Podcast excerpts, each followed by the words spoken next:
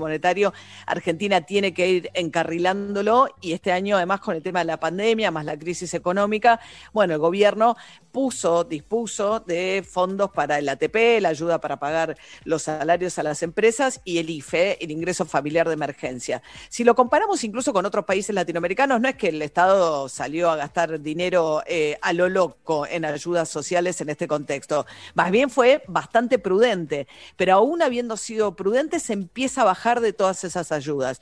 Ya se está bajando cada vez más del ATP, que queda restringido a las actividades que prácticamente no están funcionando, digamos, hotelería, gastronomía, y además ya anunció ayer con bastante más este, certeza Daniel Arroyo que se bajan del IFE, el ingreso familiar de emergencia, que llegaron a cobrar más de 9 millones de personas. Cuando arrancó la pandemia, se acordarán que el gobierno creyó que iban a aparecer 3 millones de personas, aparecieron más de 9 millones de personas demandando el IFE. Es una ayuda que para 6, 7 meses es muy poca, 30 mil pesos a lo largo de todo este periodo. Y para el mes de diciembre va a quedar solamente aquellos eh, jóvenes de entre 18 y 23 años. Eh, que no cobren asignación universal por hijo, que no sean monotributistas, también te vas a quedar afuera el IFE eh, para las empleadas en casas particulares y monotributistas eh, tampoco. O sea que va a quedar muy reducido el IFE y todo esto es algo que pasó en las últimas horas, no pasó inadvertido nada menos que para la CGT, la Central General de los Trabajadores, que viene apoyando fuerte al gobierno, que incluso tuvo una pauta muy moderada con relación a lo que se pedían las paritarias, la mayoría de las paritarias incluso camioneros cerraron con un 30%. Cuando hablamos nosotros hace un tiempo que habíamos hablado con Antonio Caló de la UOM, dice, es momento de cuidar el empleo, ¿no? Y aceptando que este año iba a ser un año donde ni, ni siquiera el salario, digamos, de los trabajadores que tienen relación de dependencia va a acompañar la inflación. Y es un salario que viene de pérdida de poder adquisitivo del 2019 y del 2018 y otra vez va a quedar relegado. Pero digamos, pero el sindicalismo había tenido toda una actitud muy prudente en este sentido de apoyo al gobierno y ayer sacó un, un comunicado diciendo, che, nos empieza a preocupar, nos preocupa que se retiren la ayuda social de la IFE, nos preocupa que le saquen las ayudas al sector productivo y señalaron también que les preocupa la posibilidad de que la nueva fórmula, la movilidad jubilatoria, signifique también un ajuste para los jubilados. Acá hay como todas unas discusiones bastante técnicas en el medio respecto de si conviene o no le conviene a los jubilados estar atados a la inflación. La fórmula que puso Macri eh, evolucionaba según inflación. Esta es una fórmula que vuelve a tomar los criterios de Cristina Fernández Kirchner, que está atada a cómo le va a los salarios y cómo le va a la recaudación y ya no a la inflación. Lo que pasa en el medio es que cada vez que cambia la fórmula, los jubilados pierden algo. ¿Se acuerdan que cuando Macri pasó sacó la fórmula, más allá de si la fórmula era mejor o peor, se comió un trimestre, empalmó un trimestre menos. Ahora vuelve a ser semestral y se suponía que la fórmula de Macri, que ajusta por inflación mayoritariamente, viene por atrás, porque ajusta pasada. ¿Y qué pasó? Justo este año que tocaba que las jubilaciones vieran reflejada la inflación del 2019, que había sido arriba del 50%, eh, Alberto Fernández dijo, no va más la fórmula jubilatoria, voy a dar aumentos por decreto. Los de la mínima acompañaron la inflación este año, los demás no, eh, en términos de los jubilados, y no hubo recuperación de poder adquisitivo de las jubilaciones. Y ya desde esa, digamos, rebaja que sufrieron, empieza a regir esta nueva fórmula no recuperan tampoco las jubilaciones, el poder adquisitivo que estuvieron perdiendo, más allá de la discusión de si la próxima fórmula es mejor o peor. Se supone que en términos generales, cuando a la economía le vaya bien, va a ser mejor, si a la economía le va mal, va a ser peor, pero el gesto de mayor prudencia fiscal, si se quiere, de Guzmán en todo eso, es incorporar un tope. No pueden aumentar las jubilaciones más que la variación de la recaudación del ANSES. Hablando de la sustentabilidad, piensen que del presupuesto casi la mitad bonita. Se va en, este, en pensiones y jubilaciones, con lo cual es un tema súper delicado y por eso lo tocan unos y otros. Y todo esto obviamente en un contexto en el cual van a subir las tarifas a los servicios públicos porque no va a haber aumento de, eh, de subsidios para el año que viene y son todas medidas que buscan achicar los gastos del Estado y empezar a transferir a los consumidores o a los usuarios de los servicios públicos sobre todo el gasto respecto a sus consumos, en un contexto en el cual los salarios están muy golpeados, pero aún con los salarios muy golpeados, va a tener que, va a tocar enfrentar los aumentos de los servicios públicos, los aumentos de las prepagas. Lentamente el gobierno empieza a tomar todas esas medidas y se encuentra con una situación, como le decía, muy particular, me parece. Hay los que están acusando a, Guzmán ahora de ser demasiado ortodoxo, de venir por el ajuste. bueno, todas esas también son reformas estructurales que le tiene que mostrar al Fondo Monetario Internacional para un acuerdo que es muy pretencioso también, porque se están pidiendo 3, 4 años de gracia, empezar a pagar dentro de 3, 4 años. A cambio, el Fondo Monetario va a exigir que algunas de estas reformas estructurales. Y en lo inmediato, Guzmán, empoderado por Alberto Fernández como la persona que tiene la última palabra en materia económica, también viene, le viene dando resultados desde que asumió las riendas de la cuestión del dólar, porque bueno, ayer perforó los 150 pesos el dólar blue. Ya está tan cerca del dólar oficial, más el 30, más el 35, no así la brecha con el oficial, que sigue siendo grande si no contás los impuestos, que hay economistas que están diciendo, che, si no, será hora de sacar el 35 para que pueda seguir bajando todavía más el dólar paralelo. En ese sentido hay buenas noticias, también la soja trajo buenas noticias, tocando su máximo en cuatro años la tonelada de soja allá en el mercado de Chicago, pero por delante tiene una agenda complicada. Y ahí hay que ver qué hace la oposición, si va a acompañar o no el acuerdo con el fondo que va a mandar Alberto Fernández al Congreso, y también si no termina por crujir la alianza de gobierno, qué hace el con todas estas medidas. Por ahora, la primera que levantó la voz fue ayer la Central General de Trabajadores con ese documento.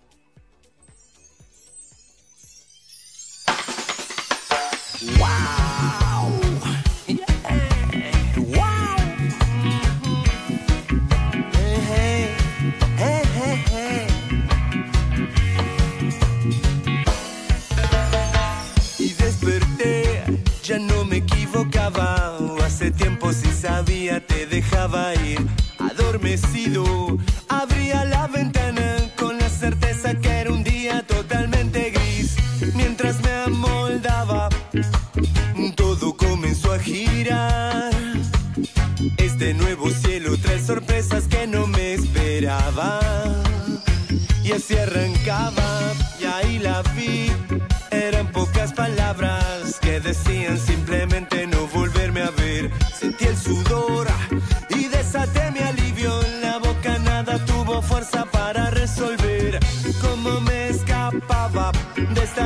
situación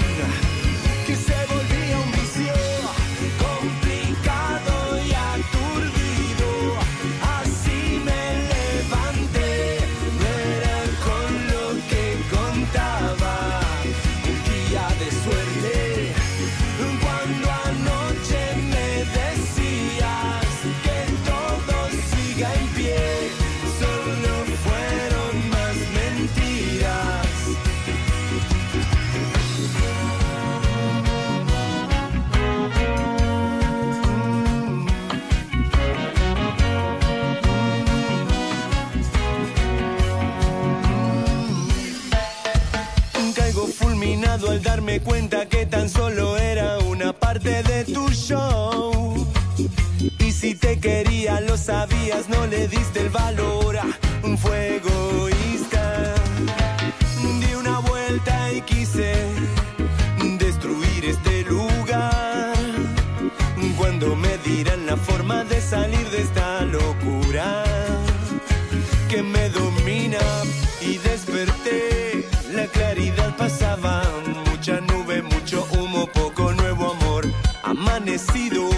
Parado en la ventana, otro día sin presencia de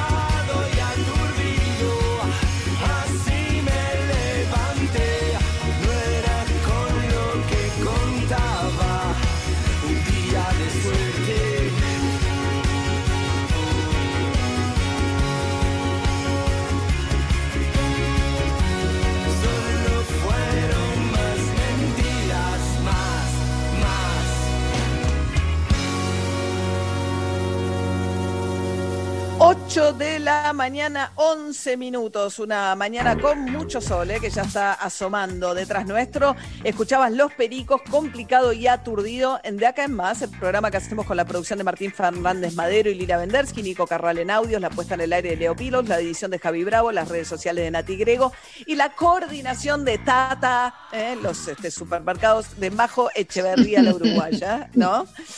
Bueno, atención, está complicado el tema de eh, la vacuna. Eh, lo hablábamos muy temprano con Daniel Greenback, ¿no? Del tema de la, de la vacuna va a empezar a circular pero antes viene el verano y la idea es que el verano no te condicione y no te provoque una segunda ola de contagios. Entonces, todo lo que tiene que ver con el, con el verano está un poco en duda respecto a cómo van a estar funcionando las cosas en la costa y el gobierno además estaba apostando fuerte a promover el turismo interno, Alfredo. Sí, el, gobierno apostaba a, promover el turismo con este programa llamado Previaje, que básicamente es lo que si vos comprabas a través de una agencia o un hotel o digamos algo en blanco, una compañía de aviones, una compañía de transporte, te devolvía hasta el 50% del consumo a través de una tarjeta prepaga del Banco Nación. Es decir, vos gastabas, te ibas a las cataratas, comprabas, contratabas un paquete que en aéreos, hoteles, gastabas 50 mil pesos, te daban una tarjeta para gastar 25 mil pesos en una serie de rubros ligados al turismo allá en, Cataratas y lo que te quedaba lo podías volver a gastar acá en Buenos Aires. El programa parecía muy interesante, contó con el apoyo de toda la industria eh, y se, en teoría iba a vencer el 31 de octubre. Se extendió hasta el domingo. Este domingo hasta este domingo te desplazo para anotarte, para comprar eh, tu paquete, después lo puedes pagar en cuotas, bueno, todo el sistema que, todas las posibilidades que te ofrezca tu, agente operador, pero vos hasta, tenés que hacerlo hasta el domingo para recibir este beneficio del 50%. ¿Qué pasó? No anduvo tan bien como se esperaba y no me extrañaría que haya una nueva prórroga, digamos, que se extienda a partir del domingo. Esto igual, esto no, no es información oficial. ¿Qué está pasando? Que lo que te dicen las agencias de turismo, cuando hablas, esto también incluye a, las grandes agencias de turismo online, las que todos conocemos, que comprabas antes pasajes de avión para el exterior y ahora estamos volcados al turismo interno. Hay interés, hay mucha demanda, pero la gente no termina de dar el clic final, el de eh, cerrar la operación, porque todavía no te es claro si vos te vas a poder eh, realmente aprovechar las vacaciones. Eh, esto la mayoría de los paquetes tienen, son abiertos, que vos podés negociarlo, si el caso, si no podés viajar por una razón, tenés con un aéreo para irte a Ushuaia, no puedes utilizarlo, te lo van a renegociar. Pero no es tan fácil, porque vos tenés que arreglar tus vacaciones con tu empleador, en tu trabajo, no, no es tanta disponibilidad que tiene la mayoría de la gente. Y todavía no, no se sabe mucho protocolos que va a existir. ¿Qué tiene temor la gente? Una es si te van a dejar viajar, si te van a dejar entrar a la provincia. El, fenómeno de lo que ocurre en Formosa se puede llegar a repetir en otras provincias que no están muy amables con la llegada de turistas. Y segundo, después también, ¿qué tenés que hacer vos si te, te vas de vacaciones? Incluso implica cierto riesgo. Te la discusión que todavía no está del todo saldada es si vos te vas, por ejemplo, a la costa, si tenés que hacer un tratamiento, si te tenés que volver, si lo puedes hacer en un hospital de la zona, todos esos temas lo que terminan, te dicen los agentes de turismo, termina desalentando que la gente se termine de jugar, mm. diciendo vas a hacer una inversión grande, te vas a poner miles de pesos. Esto, el programa de previaje parte de los 10 mil pesos, te empieza a volver a partir de compras de mayores de 10 mil pesos. Y hasta 100 mil. Hasta 100 mil, sí, por eso tenés, bueno, siempre también tenido, si vos tenés más de 100 mil, podés ser dos personas, abrirlo una pareja, pues abrir el juego, digamos, en ese sentido. Eh, pero te digo, entonces, no está, hasta ahora llevan entregados o, prometidos de entregar, digamos, comprometidos de entregar, porque esto recién a partir del 1 de enero empieza a regir la devolución, 1.800 millones de pesos. Y el presupuesto, cálculo que habían hecho era arriba de 15 Ah, nada, re corto, re corto. Y viene, viene duro. Eh, en estos últimos días, estos son datos de la semana pasada, digamos, estos días creen que este, se está acelerando un poquito, la gente deja siempre más para el final. Pero por eso te digo, no, me extrañaría. Funcionando que extiendan el previaje otra vez, claro. Y sí, porque te digo, e, es una lástima. Funcionando muy bien, te digo, lo último, los lugares. Eh, las cataratas de Iguazú es el destino número uno el número dos es Capital, la ciudad de Buenos Aires, para gente del interior, y el número tres, eh, Bariloche. Bueno, si tienen algún plan de, viajar el año que viene por, el país, tienen hasta el domingo, en principio, para previaje, que eh, tenés que subir lo que hayas contratado, ahí las facturas de lo que contrataste, hoteles o vuelos, y después te van a reintegrar hasta la mitad de lo que hayas gastado para que uses en el lugar de destino, ¿no? Bueno, y hablando de viajes, Juli Rofo, eh, estos son los viajes en Bondi, estamos hablando de que está haciendo la cola en el Bondi y se le hace larga, quizás habrá novedades en las próximas horas. Sí, porque este fin de semana se batió el récord de uso del transporte público en el AMBA, tal vez con las nuevas habilitaciones, si bien el transporte sigue eh, restringido a trabajadores esenciales, no, no siempre se hacen los controles necesarios para que efectivamente esto sea así. ¿Y qué pasa? Se generan larguísimas colas de colectivos en las horas pico. El Ministerio de Transporte ya advirtió a las empresas de colectivos que tienen que cumplir al 100% con su frecuencia y que si no lo hacen pueden llegar a ver eh, lo que ellos denominaron severas multas porque justamente se, arman estas filas y demás. Bueno, ¿qué pasa? Eh, es probable que el uso del transporte público, es, si bien está aumentando en este tiempo, no vaya a aumentar tanto en el mundo proporcionalmente a como era antes de la pandemia, según reveló una encuesta internacional que da cuenta de que mucha gente va a volver al auto o a comprar un auto, quienes puedan, por supuesto, ¿no? Esto siempre está restringido a quienes tengan la posibilidad de acceder a eso, pero hay mucha gente pensando en usar más el auto de lo que ya lo usaba o en comprar un auto. Se hizo una encuesta y en Alemania hay un 20% más eh, de uso de auto está previsto para cuando se salga del todo de este proceso y en Brasil el 65%, muchísimo más. Tiene que ver con cuánto está desarrollado en las ciudades en las que mejor está desarrollado, por ejemplo, el uso de bicicleta, ya estaba eh, más impuesto. Bueno, ahí se supone que lo que más va a crecer va a ser la bicicleta. Acá en Buenos Aires estamos estamos viendo filas en las bicicleterías todos los fines de semana. Están, se supone que desarrollando más ciclovías, la de Avenida Córdoba, la de Avenida eh, Corrientes, están previstas las de Independencia y San Juan, pero sin embargo hay mucha apuesta al auto y mucha preocupación en los ambientalistas porque se supone que esto va a volver a disparar una contaminación que había logrado reducirse un poquito. Claro, claro, volver a la burbuja propia, ¿no? Con el auto, o bicicleta o burbuja, o, auto.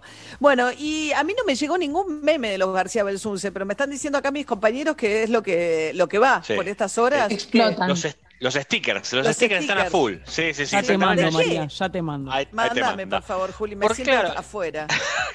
Esta serie documental se ha convertido en un auténtico fenómeno, ¿no? Hablábamos este, durante la semana con Vanessa Ragone, la productora, la showrunner, eh, sobre este crimen, sin que todavía no tiene culpable, ¿no? De María Marta García Belsunce. Sí, ya te digo, se ha convertido en un fenómeno popular a través de Twitter, mucha gente preguntándose sobre los grandes eh, misterios que ha dejado el documental, que preferimos no spoilear, ¿no? Al que no haya visto, no lo haya visto, porque si no, este, nos van a matar. Pero no hay, mucho que spoilear. o sea, es un caso que todo el mundo sabe. Depende, María, mira tus hijas. Hay gente de 25 años para abajo que lo ve como una novedad. No, para mis hijas fue alucinante. O sea, mi, hija me sentó y me dijo, contame todo del caso. Y estaba, y no había nacido cuando mataron a María Marta. Pero claro, visto con los ojos nuevos, decís, ¿cómo puede ser que toda una familia hayas eh, querido enterrar como si hubiese sido un accidente una mina que tenía no sé cuántos tiros en la cabeza? Bueno, a partir de ahí todo te empieza a llamar la atención, ¿no? Exactamente, claro, sí. Y también hay pequeños detallecitos y pequeñas revelaciones que aparecen en el documental. El secuestro de un perro, no voy, no voy a andar en detalles. Pero, Pobre Tom. Tom, ¿no? Todos se preguntan qué fue de Tom. no, pero nos contó la productora Vanessa Ragone, que hablamos con ella acá, que no, no, no, pagaron el rescate del Pedro Tom. exactamente, el perro Tom, pero la gente quiere buscar qué fue, fotos de Tom. ¿Qué pasó con Tom? sabemos que lamentablemente. No, dicen que se vendió a un cuidador, que está bien. Ah, acá me están mandando... ¿Ves? Ahí te están mandando los stickers, ¿no? Me están mandando los stickers. O sea, está el gordo Carrascosa en uno de los stickers, el gordo Carrascosa, María. El gordo Carrascosa. ¿eh? Carrascosa. Le dicen el gordo. Le dicen el gordo. María. Por favor, perdón, Alberto, le dicen el gordo. Pensé que estaba bien. Hablando del gordo, eh, vos sabés que acaba, acaba de sacar su, su, libro y está teniendo un auge espectacular, ¿no? Por, gracias a este documental. Sacó, un libro con su versión y está pasando un poco lo que pasó con Joe Exotic. ¿Te acordás con ese documental de El Rey Tigre? En el cual después de todo lo que ocurrió en ese documental, empiezan a ser como muy reconocidos y tienen que dar como entrevistas. Este, claro, se vuelven como celebrities, ¿no? Claro, absolutamente. Y Está Irene Hurtig, ¿no? La cuñada, este, entre los stickers Está que me Pichi mandan acá. Taylor. Pichi Taylor es un personaje que. No lo vi, terrible. yo voy dos capítulos, chicos, por Por favor, eso. no me Ah, spoileen. voy Pichi dos Taylor. capítulos. Pero Pichi era la amiga de María Marta, porque, o sea, había muy pocas eh, voces disonantes dentro de todos esos. Se defendían todos entre todos, salvo unas poquitas voces disonantes y dice, che, acá pasó Sí. algo raro, ¿no? Hay un careo clave que solamente voy a decir careo entre Pichi Taylor y eh, Inés Ongay. Es el momento del documental, solo eso les voy a decir. Y por Ese es el meme más, más hecho en todas las redes, ¿no? Que le El dicen no tenés marido. Exactamente. Hay un, meme, hay un meme y un sticker que anda dando vueltas que dice no tenés marido, no tenés hijos. No lo vi, Flora. Como esta No cosa vi, Flora. antigua, ¿viste? No importa, no sabes, ya la vas a Ah. llegar. Bueno, ok, no, no cuentes más nada. Bueno, Estaremos 8 y un segundo 22 acá. de- Gracias, Alberto, por favor. Eh, bueno, 8 y 22 de la mañana y hay reunión de la CGT después de un documento donde la CGT pone algunas advertencias respecto de eh, medidas de ajuste que viene llevando adelante el gobierno. Andrés Rodríguez, secretario general de UPCN, la Unión del Personal Civil de la Nación, y es secretario adjunto de la CGT. ¿Qué tal, Andrés Rodríguez? ¿Cómo le va? ¿Qué tal? ¿Cómo andan ustedes? Bien, bien. Bueno, primer documento crítico, diría yo, de la CGT al gobierno de Alberto Fernández, el de ayer. Bueno, porque la realidad lo indica. Es decir, si hay, primero y principal, si hay una serie de medidas que afectan indudablemente el campo laboral y el campo económico-social, lo lógico es que se convoque a la Confederación General del Trabajo por lo menos a discutir, a debatir estas realidades.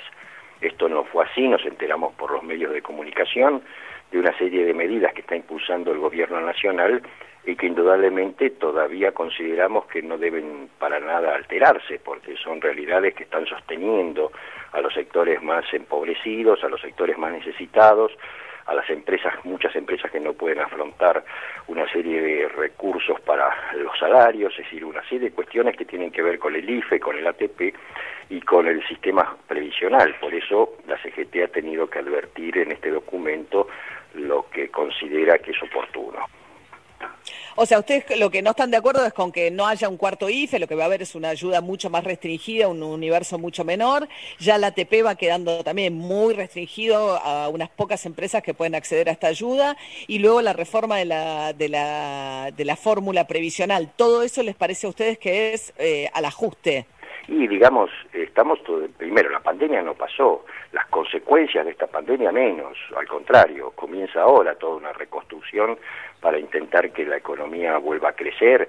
Gracias a Dios, un afloje, sobre todo en este sector del AMBA, permitió que algunas actividades comenzaran a, digamos, a, a reactivarse, pero muy levemente. Por eso todas estas cuestiones indudablemente tienen que pasar por una mesa de discusión donde estén los sectores involucrados, empresariales, eh, eh, representantes de los trabajadores y por supuesto hacerlo con el gobierno. Nadie dice de que no el gobierno esté aparte, todo lo contrario. Siempre hemos nosotros sostenido un diálogo tripartito para estas grandes cuestiones.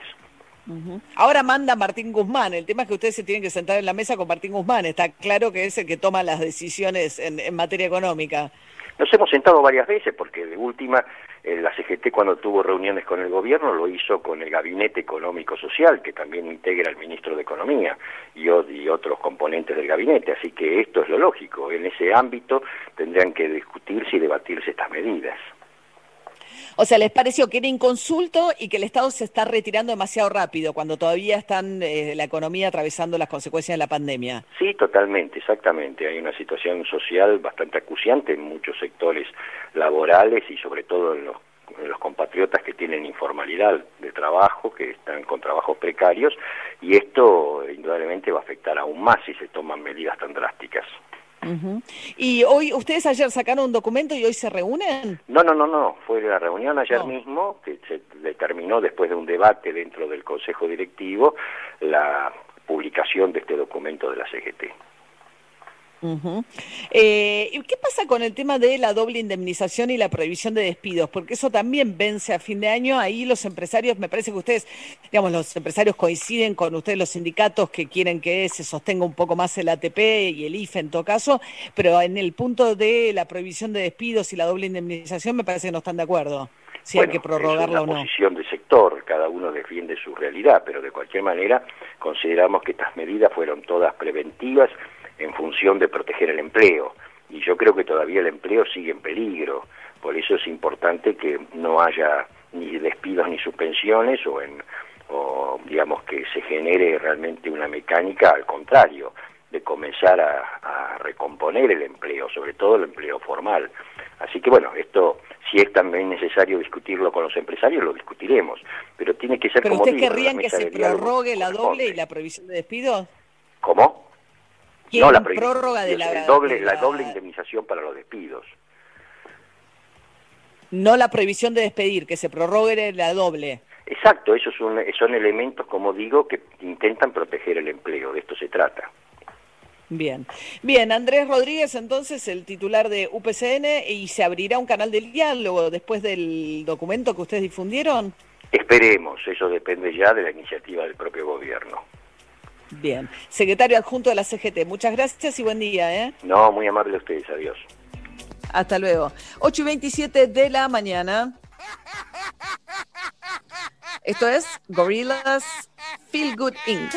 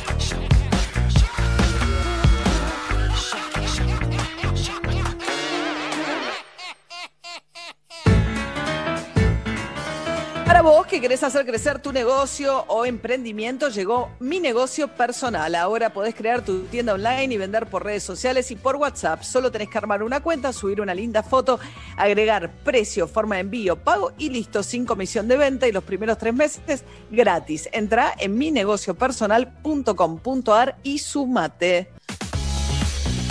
Muy bien, Emiliano Pinzón. Bien, eh, María, se ha retirado Fernando Gago, lo contábamos muy tempranito, a los 34 años, después de superar eh, cinco lesiones graves, decidió volver a jugar, seguir jugando. Eh, lo hizo por última vez el, sábado pasado en el empate 2 a 2 de, Gimnasia con Vélez. Jugó un rato cuando entró en el segundo tiempo. Y ayer, para muchos de nosotros sorpresivamente, incluso con algunos compañeros de él no imaginaban que se iba a dar esta noticia eh, eh, en ese día, les confirmó que se retiraba del fútbol.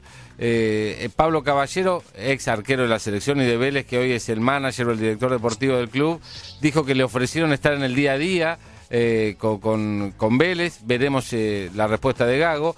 Y él, la intención ten- era, de, de- después de 15 años de carrera, dar una conferencia de prensa por el tema que ya, por el COVID y por, por una cuestión de no, no estar en un lugar cerrado ni, ni hacer algo vía Zoom, eh, decidió publicar eh, en su cuenta Fergago 5 oficial un mensaje eh, y, quiero leerte, aunque sea un- un párrafo que dice que, como todos saben, he vivido momentos fantásticos y he obtenido la carrera que ni en mis mejores sueños cuando era un chico hubiera imaginado. También tuve momentos difíciles, lesiones reiteradas que me afectaron durante estos últimos años, pero a su vez me enseñaron y me convirtieron en la persona que soy hoy. Así que eso me parece que es uno de los ejemplos o de lo que el recuerdo más importante que deja Gago en este último tiempo, el haber superado las lesiones y que no lo retiraran, ¿no? Eh, porque su carrera, para aquellos que a lo mejor no lo tienen tan claro, empezó en Boca, siguió en el Real Madrid con un pase que costó 28 millones de dólares, una brutalidad a fines del 2006. Eh, jugó seis años en, en el Real Madrid, después fue prestado a la Roma, al, al- al Valencia, volvió a la Argentina, pero eh, más allá de su juego y de, de su título en Boca, en el. Real Madrid y de su subcampeonato con la selección nacional en el Mundial de Brasil, creo que esto último, el ejemplo de, de seguir luchando a pesar de las lesiones, me parece que es lo que termina quedando en, en la carrera de él, ¿no? Más allá de lo que fue como jugador. Sí, además pobre, ¿no? Esas lesiones que tuvo, además recién entrado a la cancha, ¿no? Contra River, que era la final de la Copa Libertadores. Eh, eso fue que en la final de la Libertadores en Madrid fue una de ellas, fue otro, eh, aparte le pasó muchas veces con River, eh, Con en River. dos ocasiones jugando en los campeonatos locales, una en cancha de Boca, una en cancha de River, le pasó jugando en la selección, él había vuelto a jugar, lo convoca San Paoli, quizás con chance de llegar a Rusia y se lesiona en un partido con Perú en la cancha de Boca. Eh, bueno, ha tenido Sí. muchísimos inconvenientes y siempre lo superó, así que él había dicho en su momento eh, que el hijo le había dicho que lo quería ver en la cancha eh, y bueno, también luchó para, Mm. para volver después de, de ese pedido de su hijo. Y qué Mira, lindo, ¿no? Qué lindo muchacho, Qué lindo, ¿no, qué lindo, María? ¿no? Lo, lo vamos a extrañar en la cancha. Un 5 elegante, Sí. elegante en todo sentido de la palabra, Gago, ¿no? O Es- sea, viste la cancha, Gago. Sí, está. se lesionaba y te daba ganas de comerlo a besos. Bueno, vení, vení. Yo te digo, no se puede, Pero- María.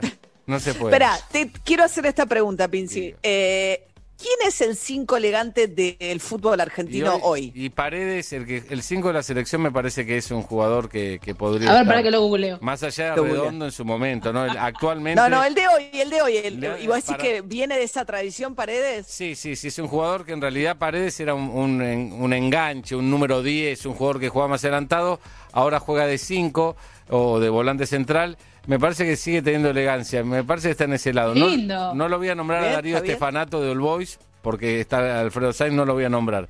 Pero eh, ¿Paris Saint Germain?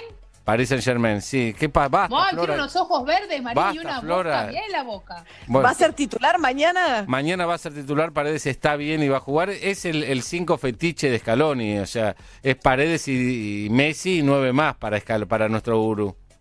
Ok. Y Messi se lleva bien con Paredes, está bien. Sí, sí, lo te- estamos viendo, María. encontró compañía. Sí, ¿viste? sí, el que, ¿Cómo? el que creo que va a ir al banco es Di María, me parece. eh. Hoy, hoy ¿Te se va a definir, pero me parece que Di María va al banco.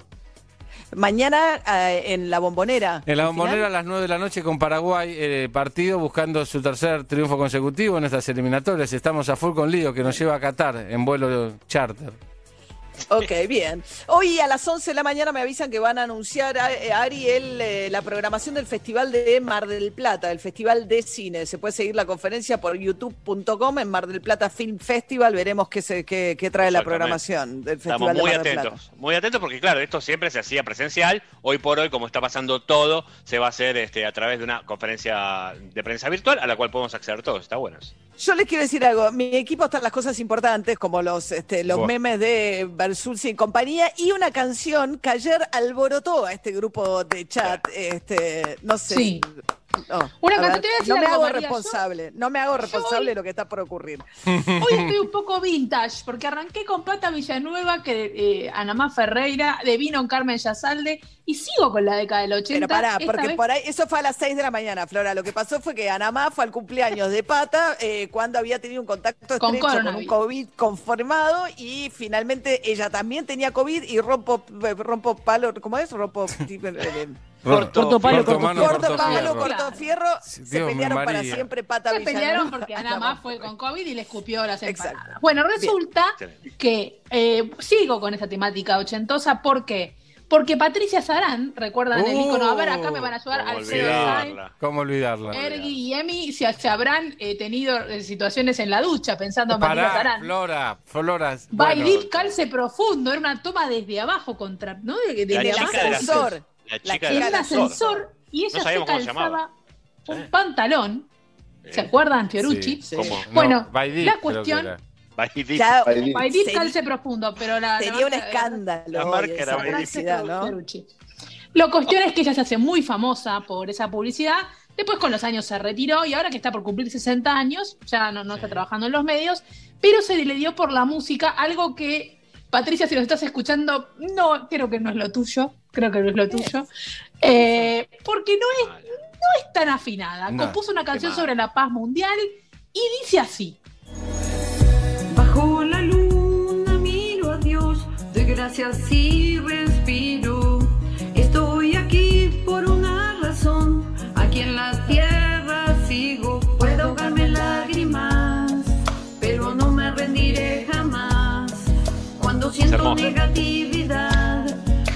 día se termina. ¡Vamos, Pato! Cuando siente negatividad, La, la letra es de ella. La letra de ella dice que no quiere más guerras, bueno, algo que queremos todos, no, no lo puedo jugar por eso. Bueno, desde Y- John Lennon en adelante, ¿no? Claro. De- eh, Claro. de- totalmente, y porque es muy simpático el video porque se va caminando por zona norte, imagino que vive Martínez Olivos, y pasa una señora, frena y le regala una flor. Qué Es todo como, como un sueño de estar empepado, como hippie. Y, y ella divina, ella está divina, divina como a Ella los está 20. increíble. Ella está Sí. hermosa. Y, Pero pero, que no no afinás. Patricia. No. No afinás, Patricia. No, el, Dedicate el- a otra cosa, Patricia. El- escuela de el- modelaje como Anamá. El sonido del instrumento, del Pro Tool ese atrás es tremendo, ¿no? Esto se Y le el estudio. digo que está bastante bien, porque se, ve que tiene un amigo músico que dijo, yo te salvo. A ver.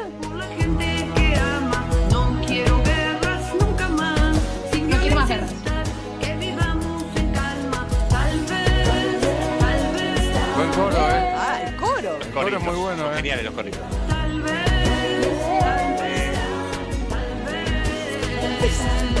La salvan los coros como a Cheyenne y tanta gente que no tiene buen caño, digamos todo. Sí. La tecnología hay gente que la salva.